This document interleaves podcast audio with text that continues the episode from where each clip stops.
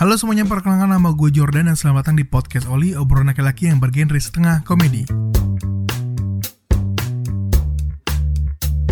Halo semuanya, selamat datang di podcast Oli, obrolan laki-laki yang bergenre setengah komedi. Masih dengan gue Jordan dan teman gue, Renaldo. Manis. Manis. Apa kabar semuanya? Baik. Baik ya? Yo. Udah dua minggu nih kita nggak eh seminggu ya? Hmm, seminggu nggak ngupload kemarin. Oh iya, kita nggak ketemu seminggu nih. Apa kabar nih teman-teman? Semoga baik-baik aja ya. Kenapa yang nggak upload kemarin ya? Karena kita kan sibuk, kayak banyak banget urusan minggu lalu. Hmm, gitu. Jadi berkaitan nih sama topik hari ini. Berkaitan, nah kenapa kita nggak upload minggu lalu? Dikarenakan ada salah satu kerabat kita yang menikah. Jadi selain urusan kantor, kita juga bantuin teman kita untuk persiapan lah. Hmm. Nah, itu nanti akan dibahas di topik utama kita. Oke. Terus kita mau bahas apa sekarang? Kita ngebahas minggu-minggu kemarin dulu deh. Ada cerita apa nih dok minggu ini? Minggu lalu. Ya minggu lalu, minggu lalu. Minggu lalu cerita duka Jodor.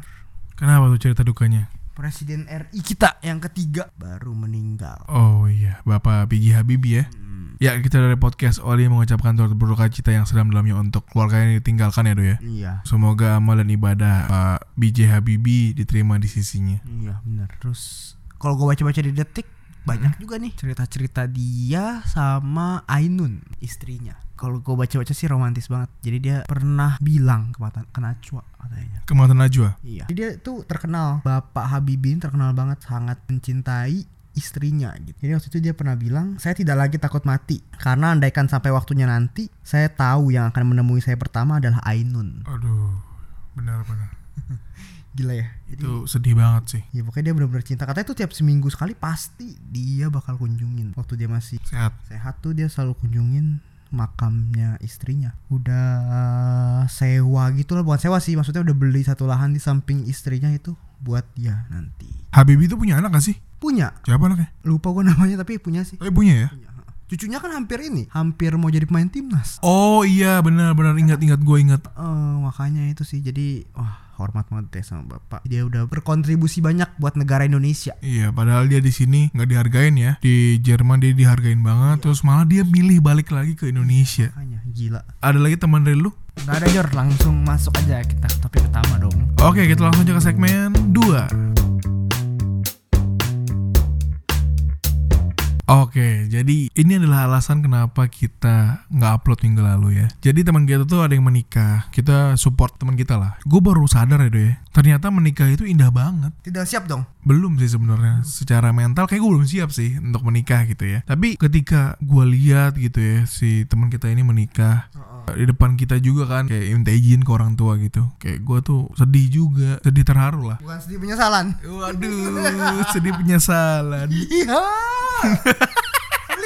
memang yang menikah siapa Nggak tahu. enggak enggak jadi emang sedih banget ternyata nikah itu enggak sesusah yang gue bayangkan Selalu ribet loh itu. Iya emang di awal tuh ribet Kalau kita dengarkan kayak biayanya Ngumpulin orang tua Ngobrol sama orang tuanya Gitu-gitu kan Iya. biayanya terus gede banget tapi di luar itu ya setelah proses pernikahannya ternyata nikah tuh indah banget Menjadi ratu Rama Raja semalam. Iya benar. Gua nggak nyangka momennya bakal seindah itu ketika gua ngeliat orang tua teman kita ini ya nangis meluk untuk kasih izin untuk menikah gitu kayak anjir ini nyokap gua harus gue bikin kayak gini. Gila. Soalnya indah banget tuh beneran deh. Lu kan lihat sendiri kan betapa mereka bersyukur banget dipersatukan nggak seperti saya yang gonta-ganti Seperti anda. kenapa Jomblo. aduh baru diangkat gonta-ganti dibilang jomblo lagi Udah bagus jomblo. iya udah bagus tuh ngerayu cewek mungkin jago si jomblo. Sulit nih dia bikin image saya yang jago merayu. Padahal saya nggak bisa ngerayu loh. Ceweknya banyak ya dulu ya. Aduh enggak kok, saya jarang. Jarang. Iya. Eh, jarang punya satu cewek. Aduh, dibikin lagi image-image begini. Tidak apa-apa. Mohon maaf teman-teman ya, ini hanya bercandaan aja. Sebenarnya saya cowok culun kok, cowok cupu. Cuma cupu malah nggak mau. Ya, Jadi bad boy. aduh. Lemes. Dan cowok culun tuh biasa tuh ini Apa tuh? kaku kayak kanebo kering. Aduh, kaku ya kayak teman kita. Bisa. iya. Teman kita punya pacar kaku bener. Mati lah. Gak, gak, gak, itu bercanda. Temen gua, kan bukan temen lu juga kan? Oh, iya. Temen gua, temen gua. Oke, balik lagi. Tapi di umur-umur kita yang sekarang nih, Do ya Di umur pertengahan 20-an Hmm. Di mana teman-teman juga udah banyak yang nikah Udah banyak yang punya anak Udah banyak juga yang mulai nyicil rumah. Hmm. Lu merasa kayak ketakutan gak sih? Sudah mulai sih sebenarnya. Karena baru dapet info lagi temen gua tahun depan ada yang nikah lagi mati. Aduh. Pelan-pelan terkikis kikis kikis kikis kikis sampai tinggal. Beda pusing ngerana baru banget hari ini dilamar. Itu tahun depan masih nikah tuh. Jadi udah ada teman lu yang lamaran lagi? iya. Mati. Tahun depan masih nikah itu bos. Ada ada ketakutan tersendiri ya Kalau lihat teman-teman lu nikah? Iya lalu tan Terus nyokap juga nanya-nanya mulu lagi. Enak ya Kalau ditanyain nyokap ya iya tapi kayaknya masih lama lah nggak nggak dalam waktu dekat lah. Masih ngumpulin finansial ngumpulin mental juga. Kenapa ngumpul mental? Bukan nikah tinggal nikah aja. Nggak bisa mental kan juga harus dipikirin. Contohnya apa tuh mental? dewasaan tanggung jawab Mm-mm. itu. Udah punya keluarga di rumah ya gak gak sebebas dulu lah pasti. Maksudnya nggak sebebas kayak sekarang gitu. Kita kan belum terikat banget gitu loh.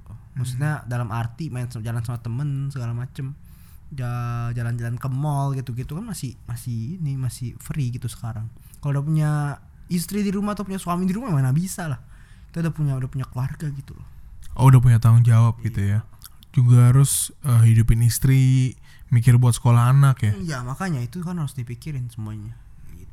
Itu mental Mm-mm. Kalau finansial apa? Duit Nenek-nenek juga tahu finansial itu duit ya. Maksud saya apa yang Bapak takutkan dengan uang itu? Apakah Bapak udah melakukan persiapan atau gimana? nikah butuh duit Ya siapa bilang butuh daun? butuh cinta ya, itu SMA butuh cinta. cuma cinta aja bisa hidup Cinta juga aku ya hidup. Soalnya bapaknya kaya, ya. Julid bangki. Gimana gimana? Coba yang finansial nih ketakutan apa nih yang lu punya? rumah pertama. Terus udah gitu pesta resepsi segala macem. Butuh duit tuh semua. Terus menghidupin anak orang. Apalagi sebagai cowok kan? Terus menghidupin anak orang. Menurut lu berapa minimal gaji yang harus lu punya untuk menikah? pendapatan ya per bulan. Hidup di Jakarta sih kayak 20 juta deh. Oh, 20 juta.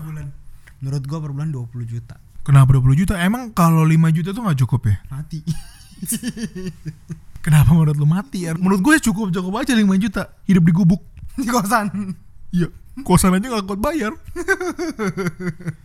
nggak cukup lah. Pertama bayar cicilan rumah. Maksudnya banyak yang dipikirin gitu loh. Jadi kayak bayar cicilan mobil segala macam kendaraan. Kalau misalnya punya kendaraan bayar air bayar listrik. Udah gitu bayar kehidupan sehari-hari buat makan minum sandang pangan papan itu yang paling utama. Udah gitu sih nggak mau hidup susah lah maksudnya nggak ada yang mau hidup orang hidup susah Iya emang gak ada sih, benar. iya cuman ya 20 juta itu menurut gua udah oh titik yang pas deh menurut gua kayaknya Titik yang pas, titik bawah atau titik atas? nggak atas juga sih sebenarnya sih kayaknya kalau untuk hidup di Jakarta ya Berat juga sih ngejarnya emang. Gimana ya? Karena kan harus nabung juga. Lu punya anak nanti. Harus pikirin biaya Sekolah. Udah gitu pas lagi hamil, hamil itu buset itu berat juga tuh. Orang waktu itu gue pernah nanya saudara gue kalau nggak salah dia melahirkan normal kayak berapa puluh juta ya 35 kayaknya deh. Buset, 30-an. Itu, itu normal. Itu normal. Kalau sesar lebih mahal lagi, mungkin 45 apa 50 gue lupa. Tapi kalau misalnya lu normal, pas normal ternyata nggak bisa. Dokter bilang sesar harus sesar, bayarnya dua kali. 35 bayar, 6, 50 bayar. Serius lu? 5 juta. Iya. Sekali terus sekali ini sekali konsultasi minimal gue peceng. Mati. Gue pecing itu 500 ribu ya teman-teman ya. Lima ratus ribu, iya. Lima ratus ribu loh Jor sekali. Itu pun di mana ya waktu itu ya di satu RS di Jakarta Barat waktu itu. Halte RS lumayan bagus lah, lumayan bagus RS. Itu belum ikut kelas-kelas ini ya pernikahan ya. Kayak harus mandiin bayi gimana gitu-gitu belum ya? Itu nggak tahu ada ada ya. Bisa. Ada sekarang udah ada kelas-kelas kayak gitu setahu gua. Jadi buat pasangan-pasangan muda nih yang mau menikah, udah ada kelas-kelas yang kayak belajar mandiin bayi, gimana sih ganti popok bayi. Karena kan milenial itu jarang merhatiin yang gitu-gitu. Merhatiin duit, duit, duit, passion, passion, passion aja. Bener juga sih. Tahu gue ya, itu bisa 2 juta empat kali pertemuan. Lima ratus ribu. Iya sebulan sih, sebulan empat kali pertemuan kan. Itu kalau belajarnya belum bisa, mati, nambah terus, nambah terus miskin. Kayak dulu pas zaman emak gue nggak ada tuh kursus-kursus gitu, nggak ada les-les mandiin bayi tidak ada. Sekarang tuh gara-gara orang ngelihat milenial begini, dibikin usaha baru jadi kursus gitu lucu. Kalau anak gua nanti ya, gua gak perlu pakai itu. Anak gua pas bayi gua suruh berdiri terus gua mandi. Suruh berdiri. Itu anak anjing apa anak apa? Langsung lu suruh berdiri. Owe, owe, berdiri kamu mati. Ih. Bapak macam apa? Baru keluar, owe, owe, berdiri, ya. Cara pegang gayung gitu langsung. Aduh, lemas saya pikirnya. Nah, ini langsung pegang ya, mandi sendiri, mati. Dibuat mandiri sejak 0 tahun. Mati. Semenjak gigot udah mandiri. iya, bener. Oke, balik lagi ke finansial ya. Jadi menurut lo gaji minimal untuk menikah itu 20 juta ya? Iya, betul. Berarti cewek-cewek itu nggak salah dong kalau pengen punya suami yang gajinya udah di atas 10 juta. Nggak salah. Karena itu udah kewajiban ya sebagai suami itu harus kerja keras, harus nyari duit yang banyak biar bisa mencukupi kebutuhan keluarga. Karena suami itu fungsinya untuk bekerja, bukan ketawa.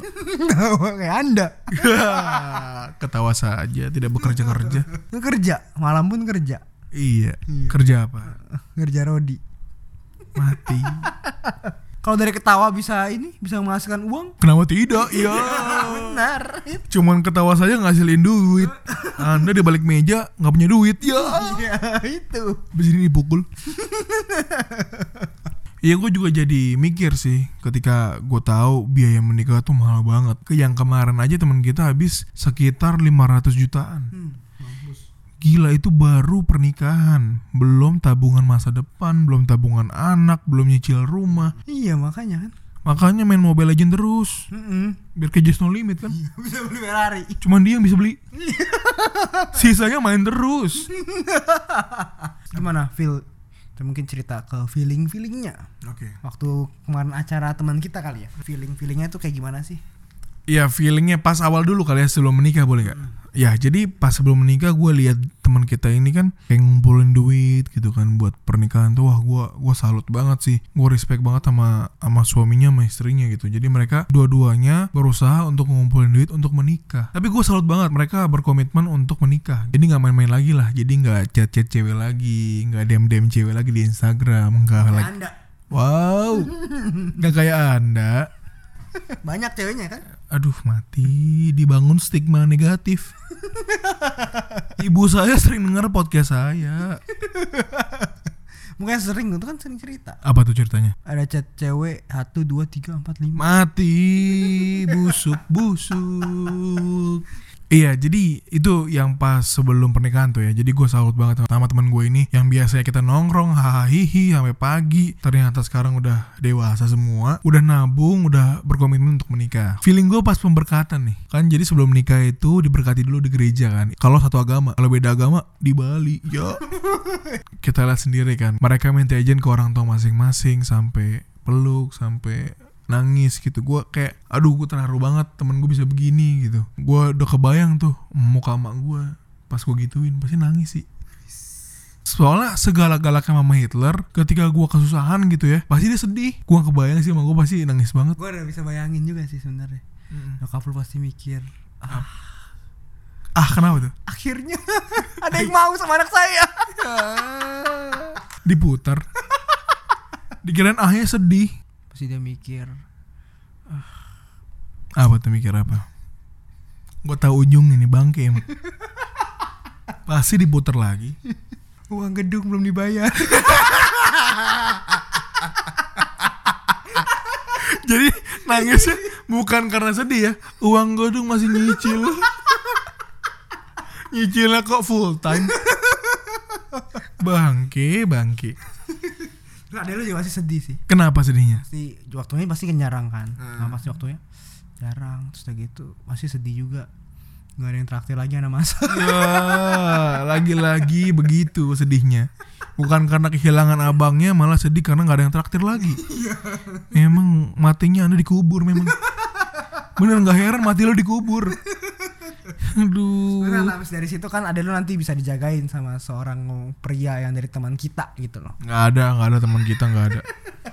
Bak gua tutup pintu gua gembok Terus pas eh, diberkati tuh sama pendeta kan anjir itu keren banget sih. Di depan mata gue langsung gitu gue ngelihat nggak tahu ya kalau kalian tuh ngelihat teman-teman kalian kalau menikah gimana. Tapi kalau pas gue gue tuh sedih banget gitu kayak sedih-sedih terharu lah. Indah banget rasanya. Gue nggak bisa describe tapi itu indah banget rasanya ketika melihat sahabat lo, teman lo, teman deket lo menikah dengan orang yang dicintai. Itu gokil rasanya. Beda banget feelingnya ternyata waktu di depan. Sama pas duduk ya. Pas duduk beda banget tuh feelingnya. Gue beberapa beberapa kali harus nengok belakang takut Takut nangis. takut nangis. Gue terharu bahagia banget sih sebenernya. Aduh. Yes. Gila feelingnya Happy happy banget. Kongres lah buat temen gue ya. Ya, terus pas resepsi sebenarnya sama sih happy happy juga. Tapi ketika resepsi itu lo melihat cewek-cewek kok cantik gitu kan. Pengen digodain dikit, tapi ada anjingnya ya. Karena kita ada bridesmaid. Mati.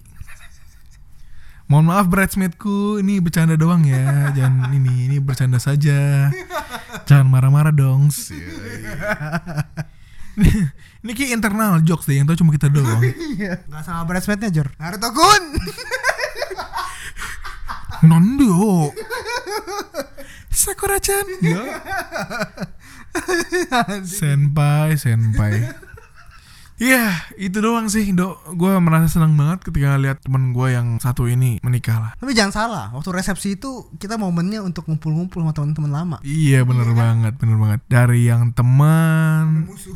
aduh, musuh, musuh. Dari teman dekat sampai teman. Nah, tahu kan artinya? Wow, Wow. dari teman dekat kok sampai temen, teman saja. Ini, mohon maaf teman-teman, ini internal jokes nih, sorry. Ini tidak akan saya cut, tenang saja. Ini tidak akan saya cut. itu momen momen terbaik. Jadi banyak banget ketemu teman-teman. Teman lama ya, Lucu. yang, yang biasanya diajak nggak bisa pergi, sekarang ketemu. Emang kayaknya harus ketemunya malam sih. Hmm. Kalau pagi-pagi pada sibuk kan, pada mencari nafkah semua. Terus ada juga yang ini. Mana nih, mana nih kita tunggu-tunggu kan? Iya. Kita tunggu-tunggu set baru datang terakhir. Waduh. Kalian punya gak sih temen yang acara apa pun pasti datangnya telat? Nggak tahu nih siapa. Kita punya. Punya. Iya. Kemarin nggak telat sih. Eh, kemarin telat. Nggak, kemarin gak telat. Tapi pulang duluan. Mau check in soalnya. Iya. Depannya D. Iya, mohon maaf. Ini internal jokes lagi, mohon maaf ya. Takutnya itu. Mm, Kalau lu apa nih, Do, yang lu rasain pas ngeliat teman kita nih, sahabat kita menikah? Sama, udah itu dong. Terima kasih, sampai jumpa di episode selanjutnya. Segitu saja. Enak banget yang bilang sama. Sama. Iya, nggak ditambahin lagi. Sama, sama, sama, bener. gue rasain bahagia sangat bahagia gue gak pernah sebahagia itu karena gue dapet boneka. Mati, mati. Bahagianya karena dapat hadiah, bukan lihat temennya ini karena dia dapat hadiah. dijoksin terus Iya. ampun. Tapi itu yang paling ditunggu-tunggu banyak orang ya, yang apa namanya itu kalau itu namanya apa? lempar lempar ini lempar Lempar lembing. Yo, cuk, mati. Waduh. Lempar bunga, lempar bunga. Ah, pokoknya kemarin boneka tapi kan Iya, lah, kemarin lempar boneka. banget gue menang anjir beneran dah itu mereka rebutan di udara jatuh gue ambil semudah itu. Semudah itu. itu air depan gua set ambil. Dapet. Terus habis itu disuruh maju jor. Hmm. suruh nyanyi balonku. Sudah besar nyanyi balonku. Sudah besar balonku. apa delapan? Ada delapan apa tujuh orang yang dapat bayangin deh. Itu.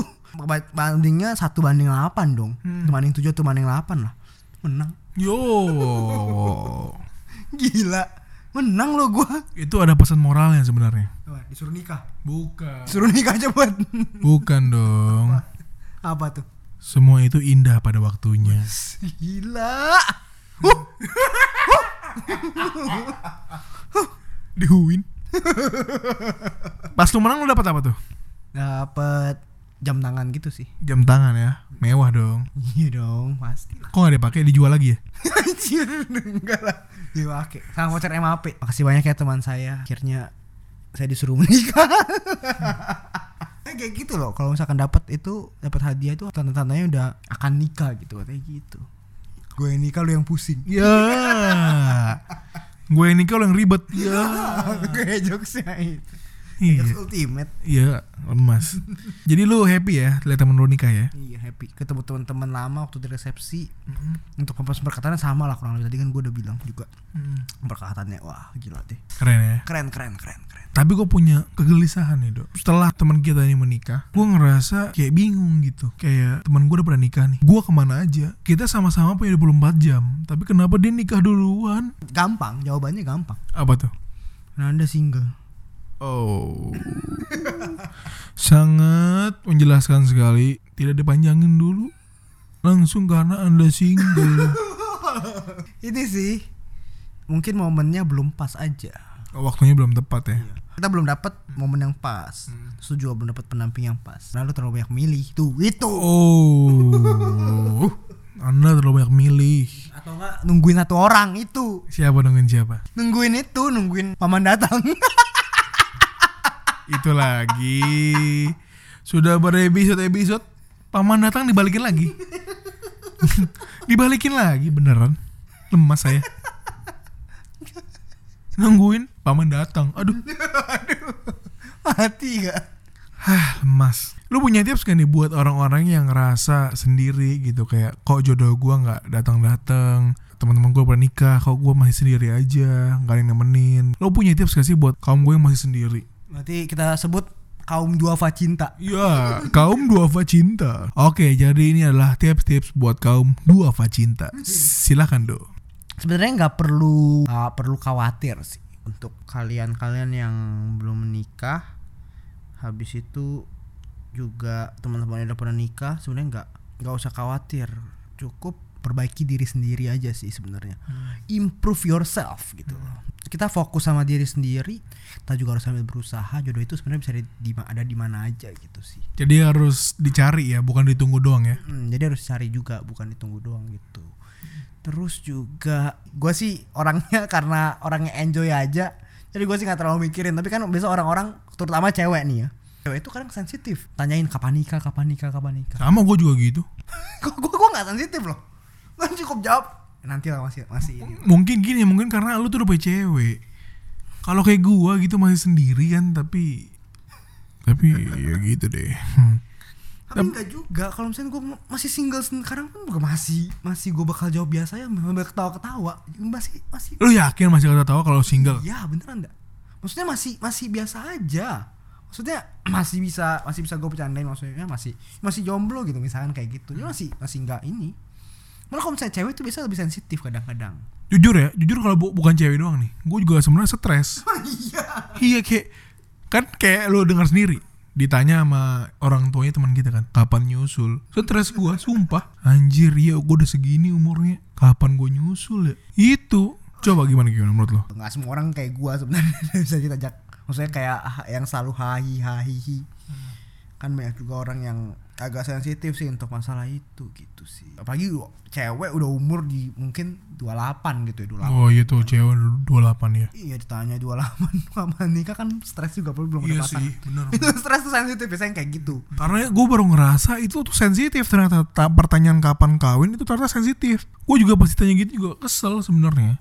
Gimana ya yang gue rasain tuh kayak lu tuh nggak ngerti apa yang gue rasain. Tapi lu langsung nanya kapan kawin bangke. Gue bilang gitu. pengen gue bilang gitu. Jadi gue nggak gue nggak akan bercanda kayak gitu sih kalau gue soalnya itu gue ngerasain sendiri. Kapan nyusul? Kapan kapan kapan kawin? Kapan lu mati bangke? Tapi memang waktu itu gue pernah baca di salah satu Instagram story. Udah lama sih tahun lalu kayak pada tahun lalu. Ada imbau untuk orang-orang jangan nanya kayak gitu. Iya, jadi kalau ada yang nanya gitu bercandain aja ya Bercandain aja. Kalau gue sih kok orangnya selalu juga bercandain aja. Baik, baik. Jadi itu teman-teman, kalau orang nanyain kayak kapan kawin, kapan nyusul, bercandain aja dulu ya kan. Iya. Nggak usah dianggap serius. Gua tahu itu sangat membekas di hati gitu. Kadang gini kalau orang nanya kayak gitu biasa basa-basi sih. Kadang suka basa-basi maksudnya itu mau buat buka topik lah berarti kayak gitu gitu. Jadi basa-basi sedikit gitu gitu. Tapi ujungnya ya ya habis dari situ mungkin bisa ngobrol dia harapannya mungkin kayak gitu. Jadi kalau misalnya lu bisa bercandain kan maksudnya dia pasti harapannya dia bisa ngobrol lebih lanjut gitu biar nggak awkward waktu lagi ngobrol. Bener kayak kata lu, kalau kenal sih enak nanya bercanda begitu kan. Masalahnya kalau lu nggak kenal, baru kenal nanya kapan nyusul. Itu kan gue tampol mukanya beneran. Biasa sih keluarga-keluarga yang suka nanya gitu ya. iya betul sih. Oke, tips selanjutnya. menurut gua kalau misalnya lu udah udah berusaha pasti kan ada tuh pasti adalah wanita cewek atau cowok gitu yang pasti dek, lagi deket sama lu. Tinggal eksekusinya aja menurut gua yang yang lebih smooth lagi lah gitu. Kalau untuk cowok mungkin lebih dilihat tanda-tandanya. Wis misalkan cowok cewek suka kode-kode tuh. Ya, kayak gitulah pokoknya dilihat kode-kode kalau misalnya jurus ya mungkin set saatnya tuh jalin hubungan yang lebih Serius. Iya, jangan yang hubungan yang lebih serius. Kalau misalnya udah pacaran, yang udah yang udah punya pacar, udah gitu yang udah deket sama orang-orang orang tuanya, eh, tunjukin kalau lu itu serius gitu Hmm. sama pasangan lu yang sekarang. Tunjukin lah kalau kita tuh bisa tanggung jawab sebagai laki-laki gitu ya. Iya, benar. Jadi eh, lebih dewasa. First impression tuh ternyata penting. Benar, benar. Penting banget kalau ketemu orang tua ya. Itu penting banget. Jangan cengengesan sih menurut gue. Meskipun lu orangnya suka bercanda, tapi jangan cengengesan gitu.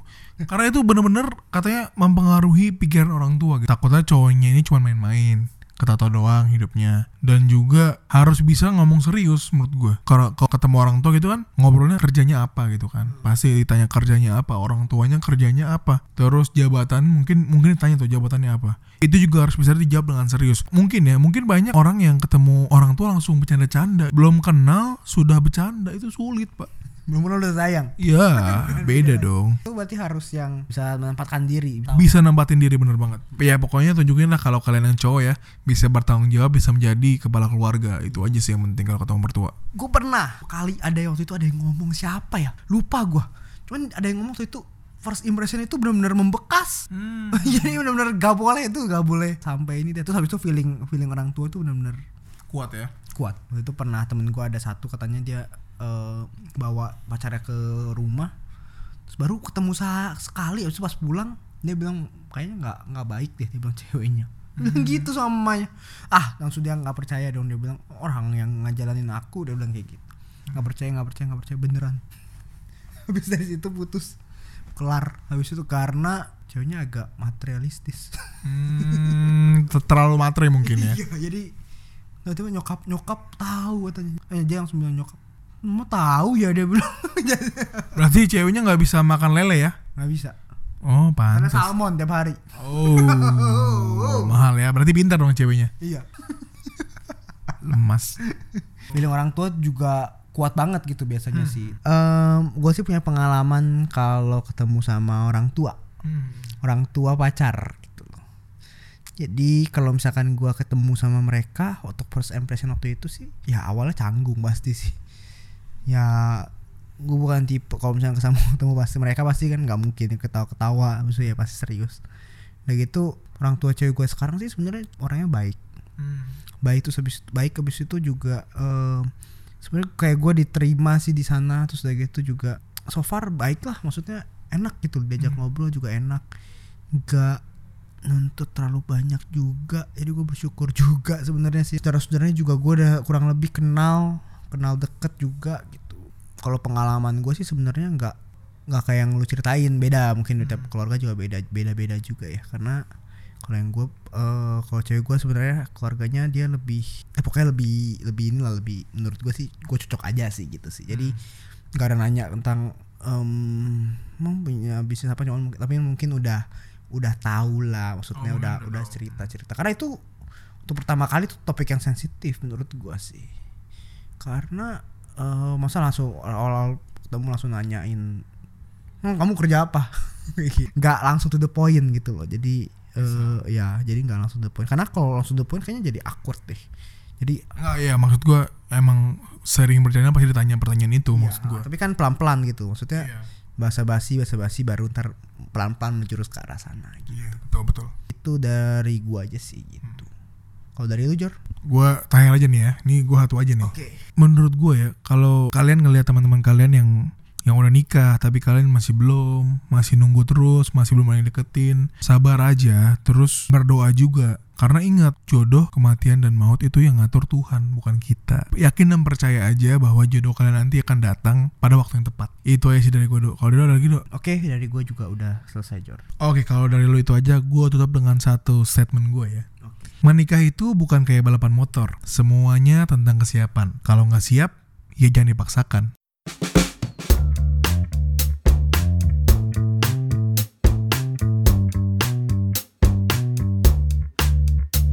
Oke, kita ada segmen Yang Ultimate. Udah siap, Dok? Siap. Sikat, Dok. Belanja sayur pasar Minggu. Cakep. Datangnya hari Senin. Cakep. Tutup pasar Minggu. Oh, Iya Sama teman naik gunung. Cakep Perginya hari Kamis. Cakep Gunungnya nggak ada karena Gunung Sahari. Apaan sih? Anjing. Nggak jelas. Tamat karir kita Selesai Makin tidak jelas Bolong seminggu makin gak jelas Lemas Buka kulkas kok dingin banget rasanya. Ternyata kulkasnya lagi marah sama aku. Kan dingin. Berak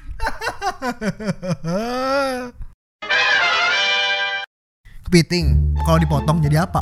Kepiting kalau dipotong jadi apa? Jadi patah? Bukan. Apa dong? Kepotong. My location unknown